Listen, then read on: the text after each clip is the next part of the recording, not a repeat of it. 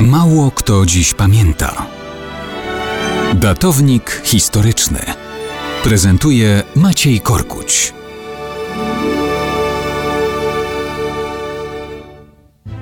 Usługom własnego kraju życie swoje poświęcił. Żył bez bojaźni wyrzutu. Takie słowa widnieją na grobie Franciszka Młokosiewicza na warszawskich Powązkach. Mało kto dziś pamięta, że ten sławny na całą Europę w swoim czasie bohaterstw pod Fuenhiroli zmarł 23 marca 1845 roku.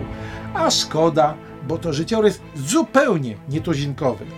Rówieśnik Napoleona urodził się w 1769 roku. Pochodził z rodziny prostego rzemieślnika z Podlasia i w wojsku polskim przeszedł wszystkie szczeble kariery, kończąc ją w randze generała.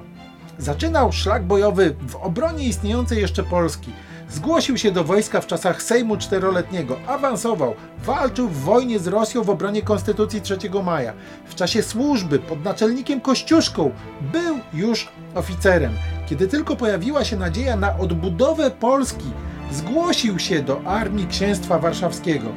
Wysłany z legiami do Hiszpanii dał się mocno we znaki pewnym siebie Brytyjczykom.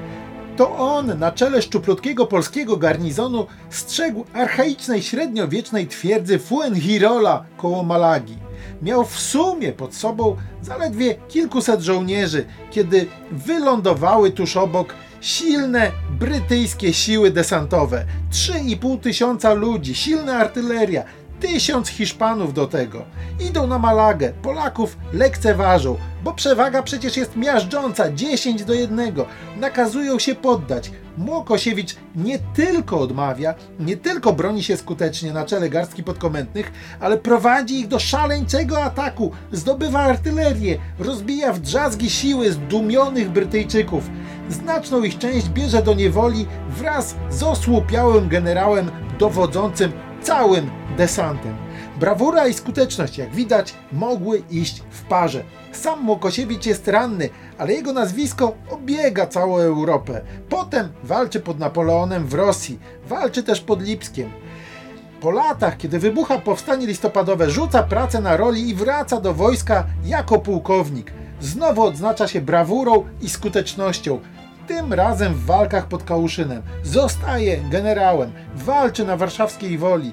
Kiedy umiera w 1845 roku, może jasno spojrzeć w przeszłość i powiedzieć: Usługom własnego kraju życie swoje poświęciłem. Żyłem bez bojaźni wyrzutu.